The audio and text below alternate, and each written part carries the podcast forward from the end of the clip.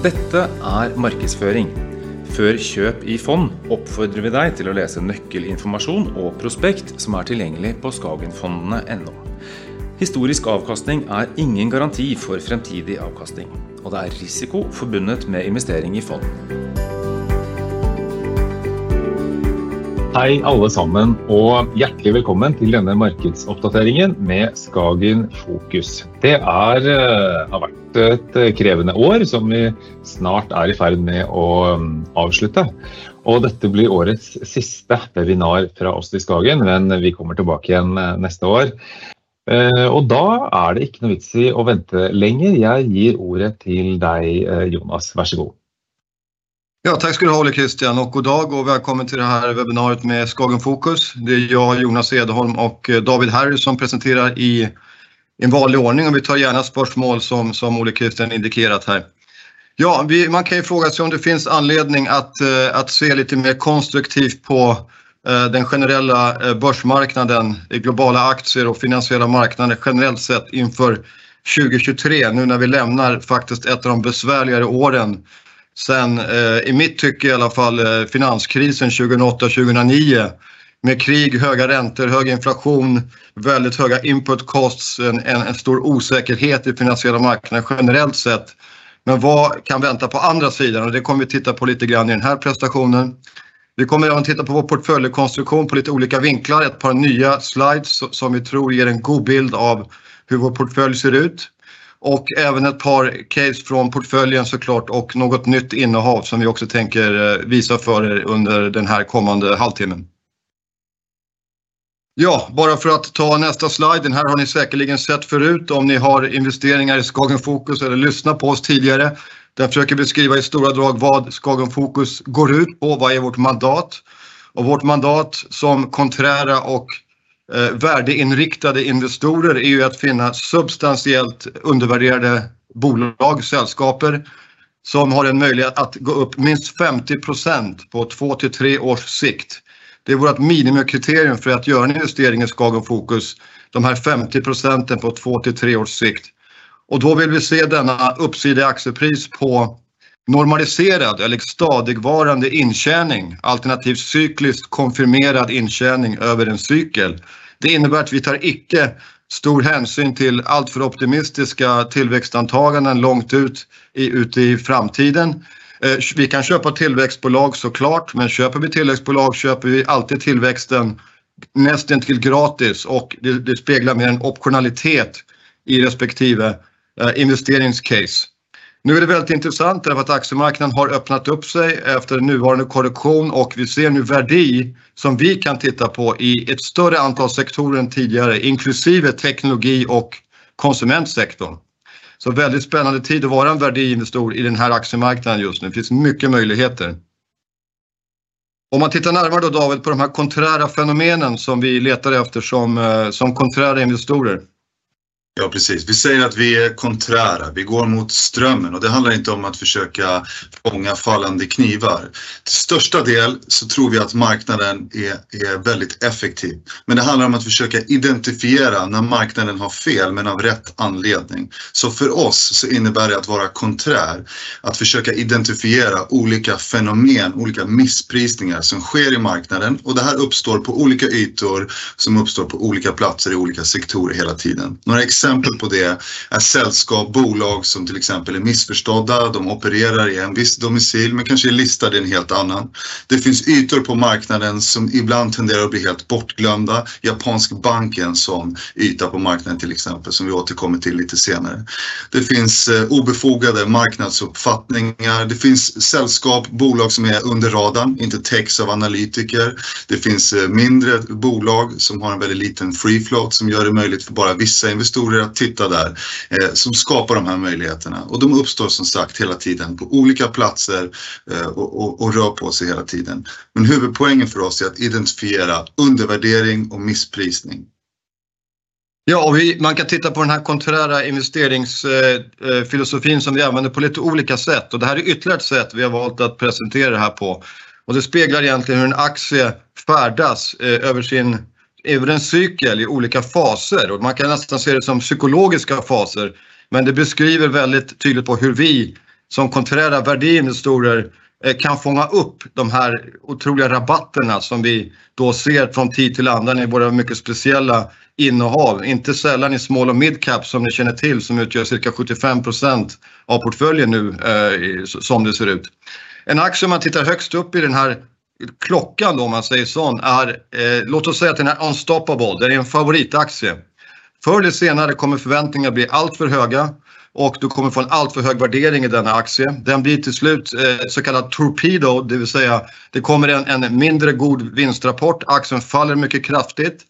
Folk blir ointresserade, den generella investorn eh, överger det här bolaget. Estimaten går ner.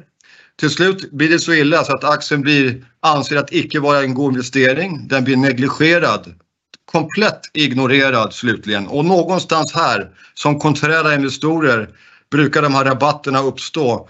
Eh, oftast kommer också analytikerna alldeles för sent in och nedgraderar aktien, vilket oftast är en signal på att aktien kan ha bottnat ut. Vi letar efter dåliga nyheter som icke får aktiekurserna röra på sig. Till slut blir den så billig och förväntningarna så låga så att du får en positiv överraskning på vinstsidan. Estimaten vänder upp, den generella investorns eh, intresse ökar igen.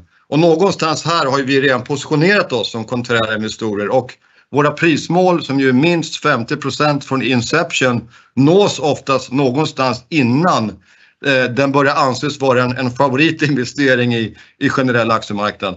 Icke alla våra investeringar ser ut exakt på det här sättet, men det här ger en känsla för hur vi letar, hur den här cykeln ser ut och vad ni kan förvänta er att se i Skagen Fokus. Låt oss då titta på några namn som jag tror kanske ganska definitivt har just passerat den övre delen av den här klockan. Då talar vi om de extremt stora teknologisällskapen i USA som ju på toppen, det var 30% av S&P 500 fanns i de tio största sällskapen i amerikansk aktiemarknad. De fyra största här var ju som högst 22%. Nu har det här börjat korrigera sig. Vi ser att det finns stora eh, headwinds i ett strukturellt växande när man blir för stor. Estimat har varit alltför höga. De är sannolikt extremt överägda fortsatt.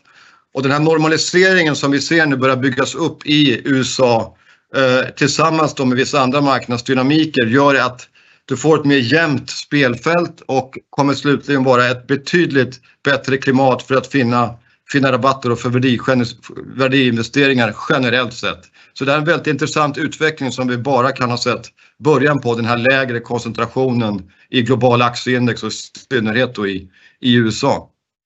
Tittar man på eh, värderingsintervall så får man också ytterligare ett intressant perspektiv. Om man tittar på eh, ett intervall över de senaste 20 åren så kan vi se att världsindex All Country World handlar ganska nära där den har legat eh, historiskt under den här tidsperioden. Tittar vi på USA å andra sidan så ser vi att man ligger väldigt högt jämfört med vad man har handlat historiskt. Så Det är ingen slump att en värdedriven, prisdriven investeringsfilosofi som Skagen Focus tittar och finner möjligheter på andra ytor i marknaden. Till exempel i Japan där vi har nästan 16% av portföljen eller eh, Korea som är 15% eller Västeuropa som utgör nästan 33% av portföljen. Så Också ett intressant perspektiv av hur det ser ut när man tittar över hela marknaden. Bara titta lite grann på makrobilden som vi då eh, nämnde tidigare vi skulle gå in på och titta, finns det några ljusglimtar där ute för aktieinvestorer generellt sett och finansiella marknader eh, inför 2023? Och Det gör det definitivt. Tittar vi här på ett par indikatorer på som är komponenter eller indirekta komponenter kan man säga inflationstalen som kommer se ut i USA. Till exempel på begagnad bil, du har lastbilsrater och containerindex, det vill säga priset på att skicka en container från till exempel Kina till USA. Hur har priset på dessa faktorer utvecklats under sista, låt säga 8-9 månaderna? Här ser vi då e, e, ett par ledande indikatorer på att inflationstrycket faktiskt är på väg neråt. och Det här är en väldigt viktig parameter såklart i dagens eh, finansiella marknad. Alla frågar sig när kommer centralbankerna att bromsa upp dessa extremt höga räntehöjningar som har skett på senare tid. Och Tittar vi på hur den här CPI och PPI då, alltså det vill säga konsumentprisindex och producentprisindex i USA har utvecklats år, eh, år över år. Det här är ju förändringstakten och det är alltid för, skillnaden och förändringen i förändringstakten som gör, som driver finansiella marknader och den har som ni ser också kommit sig ner, icke på några stora tal än så länge, men jämförelsetalen här och de här framtida indikationerna som vi nu har visat er tyder på att det här kommer att falla tillbaks. Eh, mycket tyder på det, vilket ju även den amerikanska centralbankschefen igår var ute och, och talade lite kring och skapade en större, större börsuppgång och räntenedgång på det temat. Det här kommer innebära att marknaden kliver in i en ny cykel.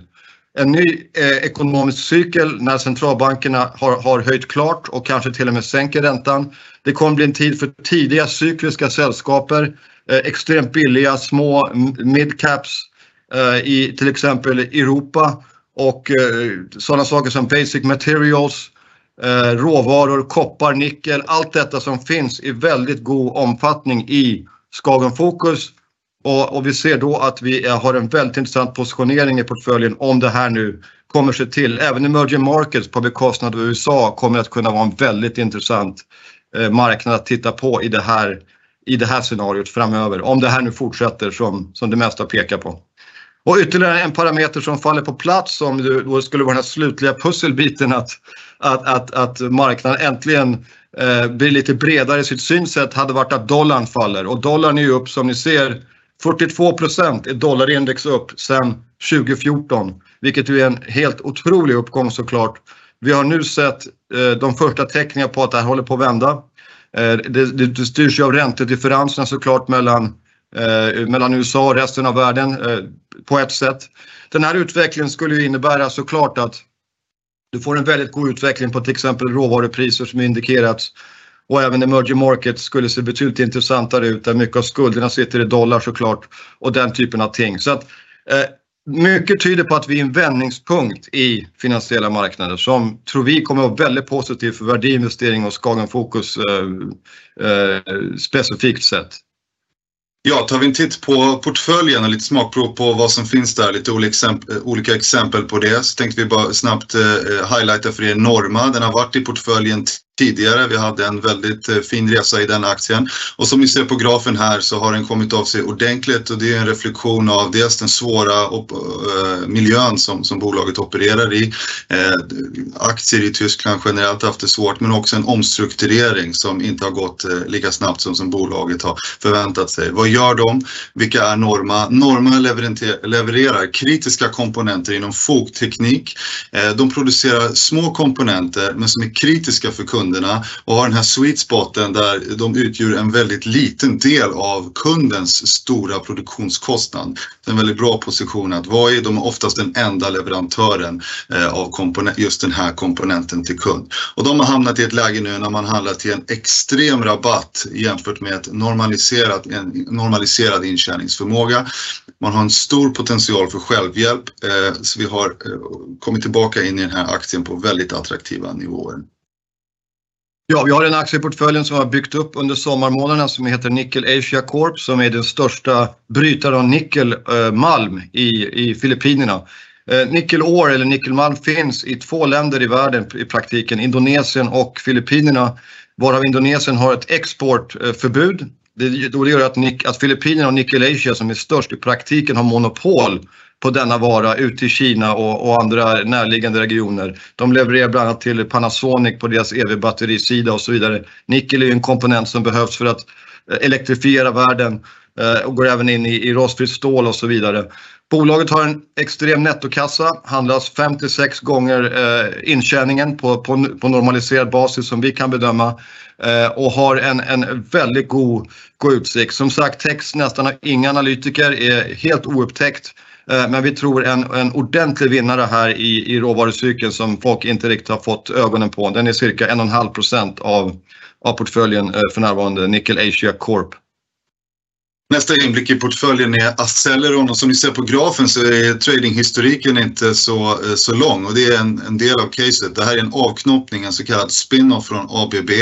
Det är deras turbocharge business som har kommit till marknaden som har delats ut till aktieägarna och då uppstår ett sånt här konträrt fenomen som vi har exploaterat många gånger tidigare, en ineffektivitet i marknaden. Många andelsägare som, som äger ABB, många indexfonder får den här i knät och det passar inte det mandatet som man har så, och man, man känner inte till det så man säljer av det och då skapas ett säljtryck och en sån här okänd eh, företag i marknaden eh, handlas plötsligt till en otrolig rabatt vilket skedde också den här gången där vi hade möjligheten att bygga en position. De här är marknadsledare inom turbochargers, 40% av marknaden, väldigt fina marginer och 75% av intjäningen kommer från så att säga servicedelen i de här komponenterna som kontinuerligt behöver servas. En väldigt attraktivt bolag som handlas till en extremt fin rabatt. Och så tittar vi på en väldigt intressant område just nu, vilket är japansk bank som omnämndes och här är det dynamiker som folk inte riktigt fått med sig generellt sett där ute. Det är att kapitalallokeringen i japansk bank, där det är Sona Holdings som vi har ägt eh, sedan två år tillbaks. Eh, vår intresspunkt var säkerligen någonstans runt 350 eh, yen per aktie. Den handlar idag som ni ser kring 700 nästan. Det har varit en väldigt god investering för oss är ju att kapitalallokeringen kommer sig på plats. Just Resona har ju väldigt mycket stora holdings i sina non icke kärninnehav i andra företag som kan säljas av och istället delas ut till aktieägare, vilket de nu har börjat göra genom share buybacks, alltså tillbakaköp på egna aktier. Eh, det som också har skett är att eh, yieldkurvekontrollen i Japan kommer nu allt mer i fokus när Bank of Japans eh, holdings av bonds faktiskt går ner från att ha haft oreella vinster till förluster. Och ju mer de köper på sig desto värre blir det här problemet. Så allting tyder nu på att när Kuroda kliver av som centralbankschef i april att man kommer se över den här policyn vilket skulle kunna vara det första skiftet uppåt i räntekurvan i Japan på, på oerhört länge såklart. Eh, den här yield curve kom ju på plats 2016 om inte jag minns fel. Eh, vi tittar därför också på japansk försäkring och annat. Men Resona Holding specifikt har varit fantastisk i portföljen på sistone och vi har, den har faktiskt gått ur portföljen här på sitt price target eh, kan jag meddela just senaste dagarna från att ha varit nästan en 3% position i, i fonden. Så, mm. så en god investering. Vi har även två andra banker i Japan, Keio Bank och Shiga Bank fortsatt i, i fonden som ser extremt billiga ut eh, och, och intressanta. Vi pratade tidigare om olika fenomen som uppstår eh, i marknaden och skapar möjligheter. Men value, värde, kommer i många shapes and forms och kan identifieras på olika sätt. Så för er som eh, inte har mött oss tidigare så har vi här ett axplock från portföljen. Men för att illustrera just det här spektrumet inom vilket undervärdering kan identifieras så har ni några exempel på det här.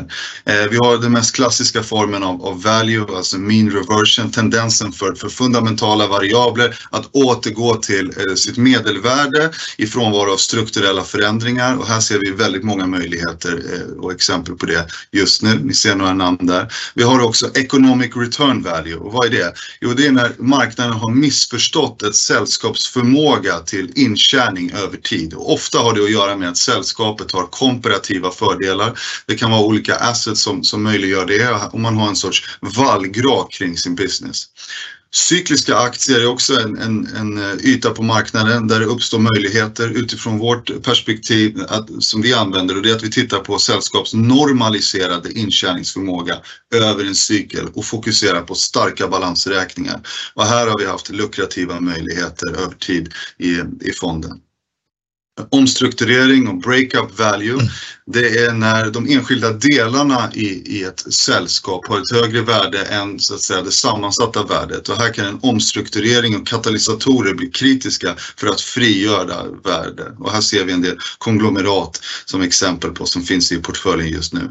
Asset backed value är undervärdering som kan identifieras med dolda tillgångar som vissa sällskap sitter på. Det kan handla om fastighetsbestånd eller ägande i andra företag säljbolag till exempel.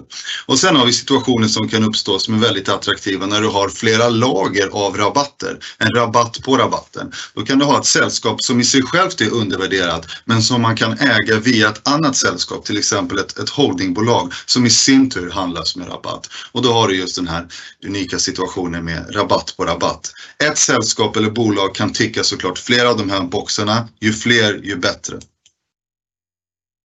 Ja, så tittar vi på eh, hur där portföljen ser ut då på de här olika boxarna som just beskrivits. Och där ser du att eh, vi har en betydande exponering i just cyklisk value och den här boxen har också stigit nu under sommarmånaderna in i hösten när det var en sån extrem rabatt just på den här typen av sällskaper där ute. Eh, economic return value har vi en god portion av också och vår ambition här är ju som sagt att hålla en balans i de här olika segmenten av eh, olika value-typer i i portföljen. Det vill alltså säga att icke bara sitta i restructuring, breakup value eller asset backed value även om såklart det här går att kombineras på många olika sätt. Vi gillar ju verkligen när en aktie har ett i kombination med normalisering också ett stora innehav av kassabehållningar eller fastigheter eller icke kärninnehav i aktier och annat som kan komma aktieägarna till godo när vi, när vi tittar på en, på en aktie. Men det här ger lite grann en vy av hur pass diversifierad fonden ändå är på de här olika typerna av Eh, av värde eh, som vi ser det. Ja, vi lyfter ofta fram enskilda investeringscase eftersom det blir pedagogiska och bra exempel som illustrerar investeringsprocessen. Men vad vi erbjuder kunden är ju er, alltså produkten som är en, en, en prisdriven investeringsfilosofi. Och det är själva eh, portföljens konstruktion och sammansättning som är en kritisk del av, av produkten. Så vi har gjort en ny slide här för att visa på hur vi tänker kring precis det här. Vi kräver ju som sagt alltid en uppsida på minst 50 och vi kräver alltid att kunna identifiera identifiera katalysatorer. Men som konträra investorer så vet vi att vi ofta är ganska tidigt in. Därför kommer nya positioner in till portföljen genom svansen så att säga och vi skalar successivt in eh, ju mer vi, vi får conviction kring vissa liksom, katalysatorerna i investeringscaset. Huvuddelen av portföljen utgörs av kärnan, det vi kallar för core. Där finns alltid en god conviction, en bra uppsida, men också en identifiering av mer närliggande katalysatorer. Om riskspridningen tillåter det så ökar positioner i, i kärnpositionerna kan öka i, i samband med en högre övertygelse när det gäller katalysatorer och då kan de komma in i det vi kallar för topp 10 avdelningen som är de största positionerna i fonden. Eh, och, och de kännetecknas också av en så att säga lite mer, kanske mindre uppsida men mer skyddad nedsida som en, ett kännetecken för topp 10 avdelningen. Världen förändras som bekant hela tiden, eh, vilket också påverkar vår conviction kring katalysatorerna och därför har du den här cirkuleringen i portföljen hela tiden. Eh, vi går sällan ut ett case direkt från, eh, så att säga, från sin, sin vikt utan man skalar ofta ut precis som vi skalar in. Och då går man oftast en topp 10 position tillbaka till kärnan och, och, lämnar ofta portföljen ut genom svansen. Om man tittar portfölj, på portföljen just nu så kan man notera eh, generellt att koncentrationen i topp 10 är något lägre och att svansen är något högre och det kännetecknar just den här eh, miljön som vi befinner oss i som Jonas pratade om tidigare och svårigheten kring att kanske identifiera vissa kortsiktiga katalysatorer på grund av osäkerhet som, som många av bolagen opererar i. Men också samtidigt den enorma möjligheten som har uppstått i marknaden och därför har vi initierat över de sista månaderna en rad nya positioner och därav har svansen växt något i portföljen. Ja, eh, då tittar vi på lite grann på hur performance har sett ut och den här grafen visar ju eh, hur vi sett ut sen vi, vad vi kallar the big reset. Och varför kallar vi det för? Jo, det här är alltså från pandemibotten i februari-mars 2020 då vi uppfattade att här gick vi nu in i en ny investeringscykel. Det var här någonstans eh, det cementerades att du fick de här inflationistiska eh, tendenserna och eh, supply chain disruptions och så vidare som lades till grund i den här pandemin. Vad det som händer när du helt stannar en global ekonomi och sen återuppstartar den. Det är ju det som har lite grann fått den här utvecklingen i kombination och såklart med kriget som, som startade i, i början på det här året som skapat de här unikiteterna i den här investeringscykeln. Och under den här cykeln då har ju fonden presterat väldigt väl som ni ser. Eh, vi har en avkastning på cirka 79 procent i norska kronor sedan det här datumet mot eh, cirka 42 procent för All Country World och Vi är stolta över att även kunna gått betydligt bättre än ett value-index under den här perioden. Vi ser även att på tre år har fonden gått något bättre än de här jämförelsetalen. Så fonden går in i en, en god treårig eh, horisont här snart i början på 2023. Eh, och nu blir det intressant att se vad som sker i nästa fas, vilket såklart är fasen då centralbankerna kanske retirerar. Eh, vi tror att vi har en god positionering in i den fasen. De största bidragsgivarna i år har varit eh, en lite blandad kompott. Två av dem gick ut tidigt ur fonden. Nu är det faktiskt att samtliga tre som är topp i år, det vill säga K plus S, potageproducenten, den tyska. Val Indonesia, det är ju en nickelproducent i i Indonesien, som båda gick ut någonstans februari-mars i år för att gå till sina prismål de facto. och De här hade ju en enorm positiv utveckling just under perioden av krigsutbrottet till följd av den här bristen på råvaror som uppfattas och även potash där mycket av konkurrensen ju sitter i Ryssland och Vitryssland och så vidare. Resona Holdings då eh, seglat upp som en av vinnarna som vi också har gått ur fonden precis nyligen när den har nått i price target som vi beskrev. På den negativa sidan, Foresia som är en auto parts producer som hade alltför mycket eh, problem i eh, vissa delar av sin inkassoflödesgenerering i förhållande till skuldsättning. Den har vi gått ur till följd av detta. Cascades eh, har varit lite svagare i år trots att det är ett extremt intressant bolag inom packaging i Kanada som vi då följer fortsatt. och Ubisoft, en av våra aktier som har varit svagare i år till följd av Eh, en olycklig affär eh, mellan Tencent, huvudägaren, och Ubisoft där de ökade upp sig på holdco-nivå och icke på reell aktienivå, vilket har ansetts som en misshandling av minoritetsägarna, vilket vi helt klart håller med om. Den är kvar som en mindre position i fonden, ser fortsatt intressant ut på en midterm-horisont. Eh, ja, vänder vi oss till eh, de förändringar som har gjorts i fonden under den sista perioden så har vi nämnt Aceleron, spinoffen från ABB som har kommit in som en ny position. Vi har också initierat en position i Befesa som är en service provider och hjälper andra eh, sällskap att hantera farligt avfall. Den har en cirkulär, väldigt attraktiv affärsmodell och eh, handlas kring en väldigt fin rabatt nu och är under radarn för många andra investorer. Vi har tagit möjligheten här att öka i några av våra high conviction-namn här. Norman nämndes tidigare. Compo Group är en eh, healthcare software provider från Tyskland. Vi har nämnt förra webbinariet, där har vi fortsatt att öka positionen. Och vi har eh, tidigare under året sålt av en del i Commerzbank, den tyska banken, eh, tagit ganska mycket vinst där, men den har handlat till väldigt attraktiva nivåer igen, så vi har eh, ökat i den positionen. Och Atalaya Mining, en europeisk kopparproducent med väldigt stark balansräkning och möjlighet till självhjälp, så det har vi också ökat. Vi har sålt ut och tagit vinst i Fujitech som är en japansk hissleverantör. Eh, det var också en aktivist som var involverad och en stor förbättringspotential De har gjort många framsteg på den resan, så det nödde vårt eh, prismål. Men Vi har också tagit ner i Resona Holdings, som Jonas nämnde, så är den ute ur portföljen. Vi har också tagit vinst i Stelco och sålt ner vår position en aning i Ubisoft, som Jonas nämnde tidigare, kring just den här misshandlingen av minoritetsägarna, eh, som såklart eh, eh, tar ner vår conviction en del i caset. Men fortsatt attraktivt men förtjänar inte att vara lika stor i fonden. Om vi tittar kort på kompositionen och topp 10 och fonden som helhet så kan vi se att vi nu har 49 positioner totalt i fonden. Majoriteten av fonden är exponerat mot små och medelstora sällskaper där vi ser väldigt attraktiva möjligheter. Koncentrationen i topp 10 är nu på 30 procent och vi ser fortsatt en väldigt attraktiv uppsida om vi tittar på våra vägda prismål över portföljen. Man kan också notera att eh, det är en väldigt fräsch portfölj. 42 procent av positionerna initierades mindre än ett år sedan. Tittar man på värderingsmultiplarna på fonden som helhet så ser man att den attrakteras väldigt billigt för väldigt fina sällskap. Om man jämför med till exempel ett index och jämför med värderingsmultiplarna där så ser det väldigt attraktivt ut. Ja, bara för att summera upp. Skagen Focus tycker vi erbjuder en konträr, eller erbjuder en konträr och värdeinriktad investeringsfilosofi och process.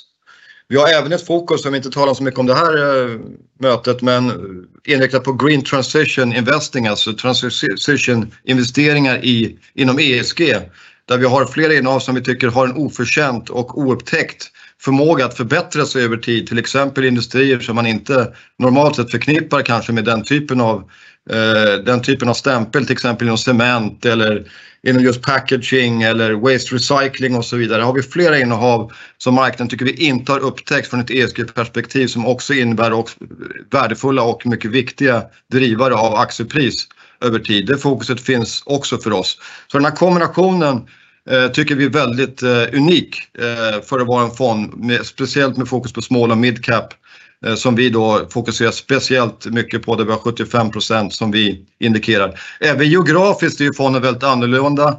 Vi har ju cirka bara 15% i USA, vi har till och med mer Japan än USA. 17% tror jag vi har i Japan för tillfället. Och en ganska jämn, jämn diversifiering, jämn allokering mellan de här regionerna som har fallit sig naturligt mer naturligt än att ha en mer skev bild som kanske ett index har i termer av var värdi sitter någonstans. Vi finner ju värdi på andra ställen än USA, mer specifikt i de här regioner som vi diskuterat idag.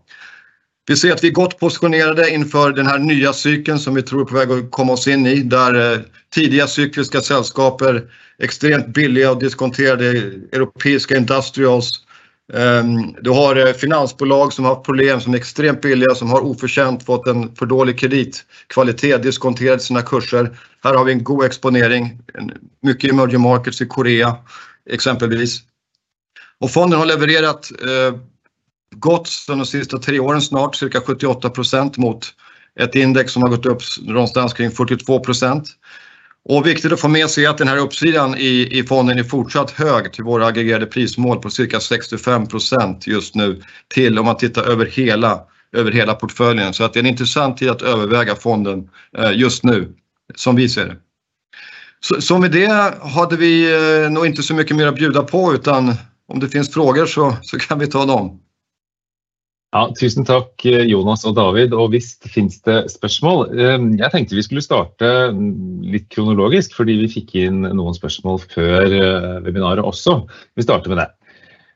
Skal vi se.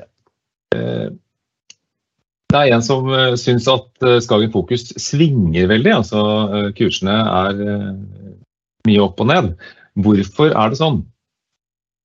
Jeg, jeg kan ta den og, og si at det som har skett, så som vi ser det i alla fall, är att fonden är nu idag kanske mer eller bättre diversifierad än vad den har varit på mycket länge. Både över regioner, sektorer, vi har gjort investeringar i teknologi, vi har gjort investeringar i konsument inom Levi's till exempel. Vi har Norton i, i, i, i teknologisidan som vi har nyligen investerat oss in i. Så att den absoluta så att säga, volatiliteten eller svängningarna i fonden har faktiskt fallit från, från hur det har varit tidigare eh, i och med hur vi ser ut idag. Det som däremot svingar väldigt kraftigt är ju såklart avvikelserna mot ett index och mot ett benchmark, till exempel All Country World och det, det är ju för att vi har en så pass annorledes utformning.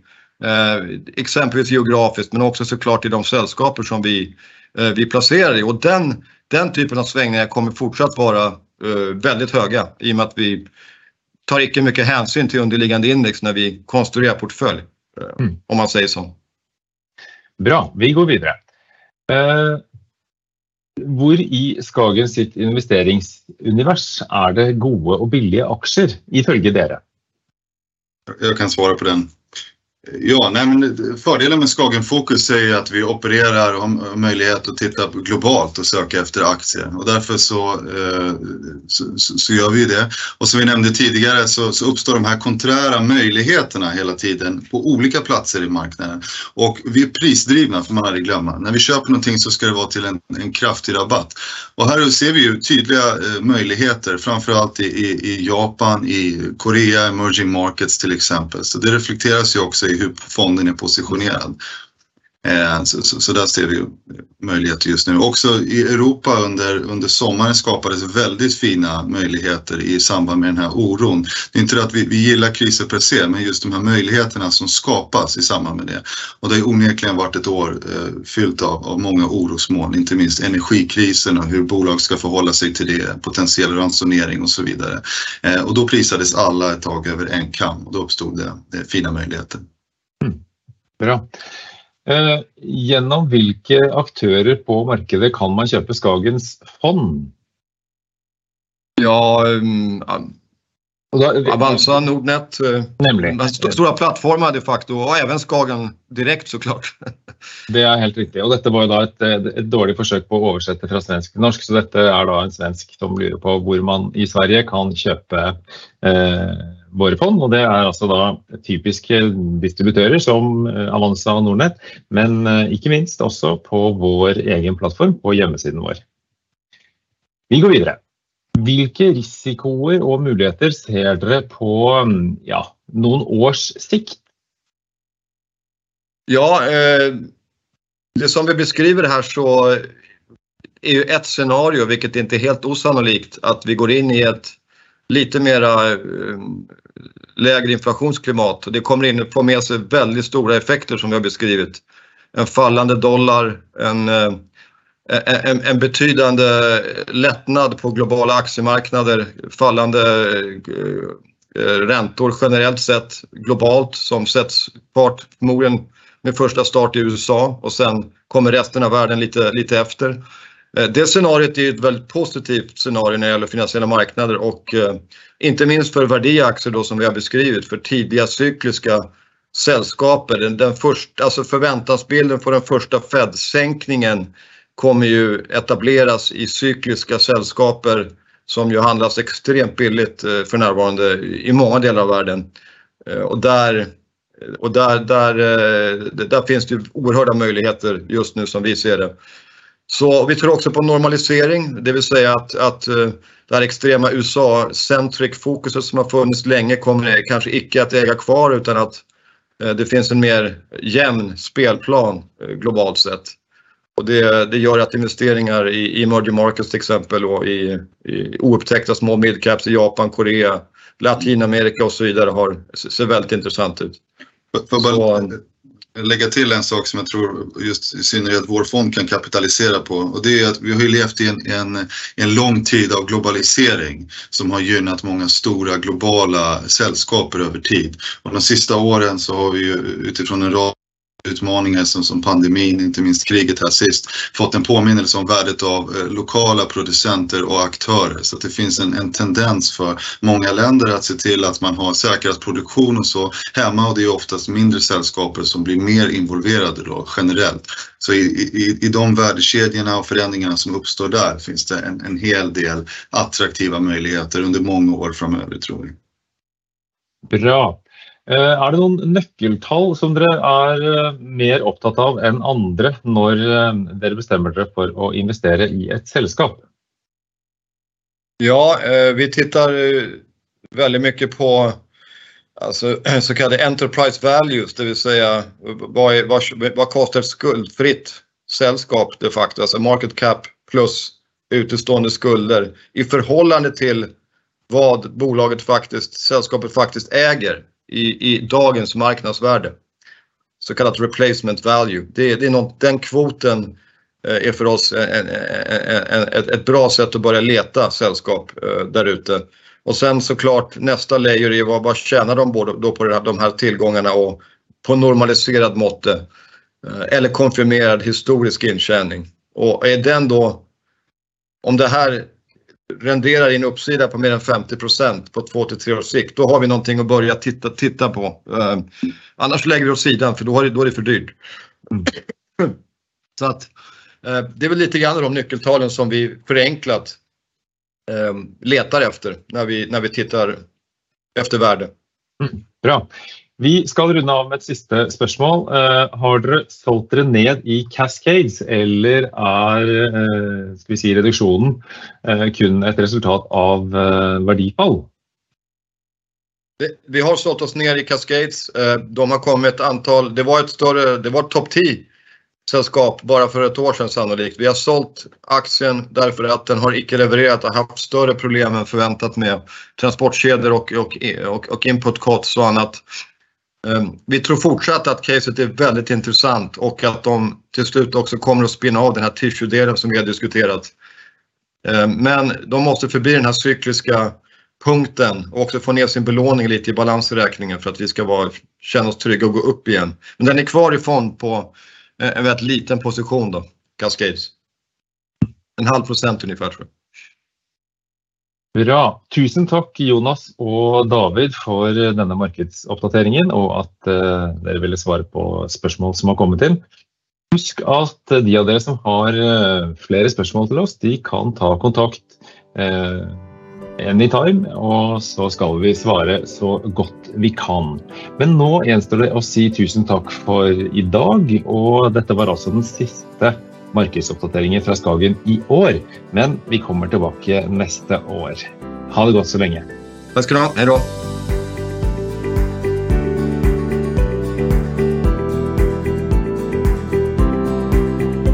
Kjøp gjøres i fondsandeler og ikke i aksjer eller andre verdipapirer. Du finner informasjon om kostnader, investorrettigheter og hvordan Skagen jobber med bærekraft på vår hjemmeside.